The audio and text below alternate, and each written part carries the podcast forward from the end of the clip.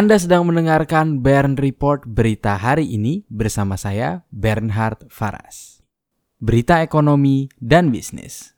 Berita pertama, utang pemerintah naik capai 4.817 triliun rupiah. Kementerian Keuangan mencatat posisi utang pemerintah per akhir Januari 2020 yakni sebesar 4.817 triliun rupiah. Dengan begitu, rasio utang pemerintah terhadap produk domestik bruto menjadi 30,21 persen. Jumlah tersebut meningkat dibandingkan jumlah utang di periode yang sama pada tahun 2019, yakni sebesar 4.498,56 triliun rupiah. Berita kedua, Sumbawa Timur Mining temukan cadangan emas dan tembaga baru di NTB. PT Sumbawa Timur Mining atau yang biasa disebut STM mengungkapkan bahwa mereka menemukan deposit biji tembaga emas Onto di Pulau Sumbawa, Nusa Tenggara Barat atau yang biasa disebut NTB. STM merupakan pemegang kontrak karya generasi ketujuh untuk proyek HUU di Kecamatan HUU, Kabupaten Dompu, Nusa Tenggara Barat. Perusahaan tersebut telah melakukan kegiatan eksplorasi di dalam wilayah kontrak kerja proyek HUU sejak tahun 2010.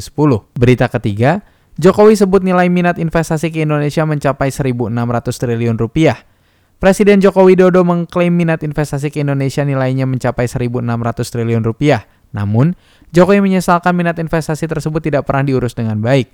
Ia mencontohkan, investasi grup Lotte di Banten membutuhkan waktu 4 tahun, lalu berhenti karena masalah pembebasan lahan. Sedangkan investasi yang baru terrealisasi yakni sebesar 708 triliun rupiah. Jokowi meminta seluruh kepala daerah dan kepala pelayanan terpadu satu pintu untuk membantu menyelesaikan persoalan investasi di lapangan.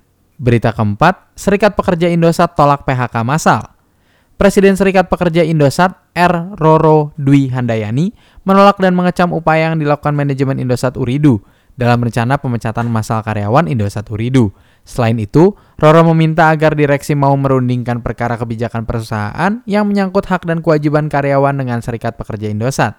Seperti diketahui, Indosat Uridu menyebut perusahaannya sedang melakukan perubahan organisasi Hal tersebut memberikan dampak terhadap 670 karyawan.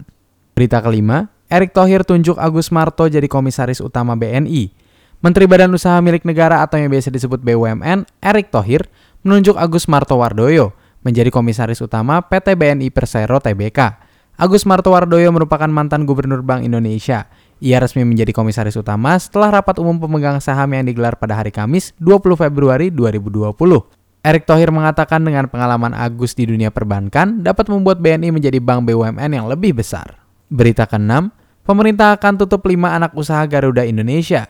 Menteri Badan Usaha Milik Negara atau yang biasa disebut BUMN, Erick Thohir menegaskan akan menutup atau melikuidasi 5 anak usaha PT Garuda Indonesia Persero Tbk. Salah satu perusahaan yang akan ditutup yakni PT Garuda Tau Beres Indonesia. Erick menyebut, keputusan itu berdasarkan hasil rapat komisaris dan direksi.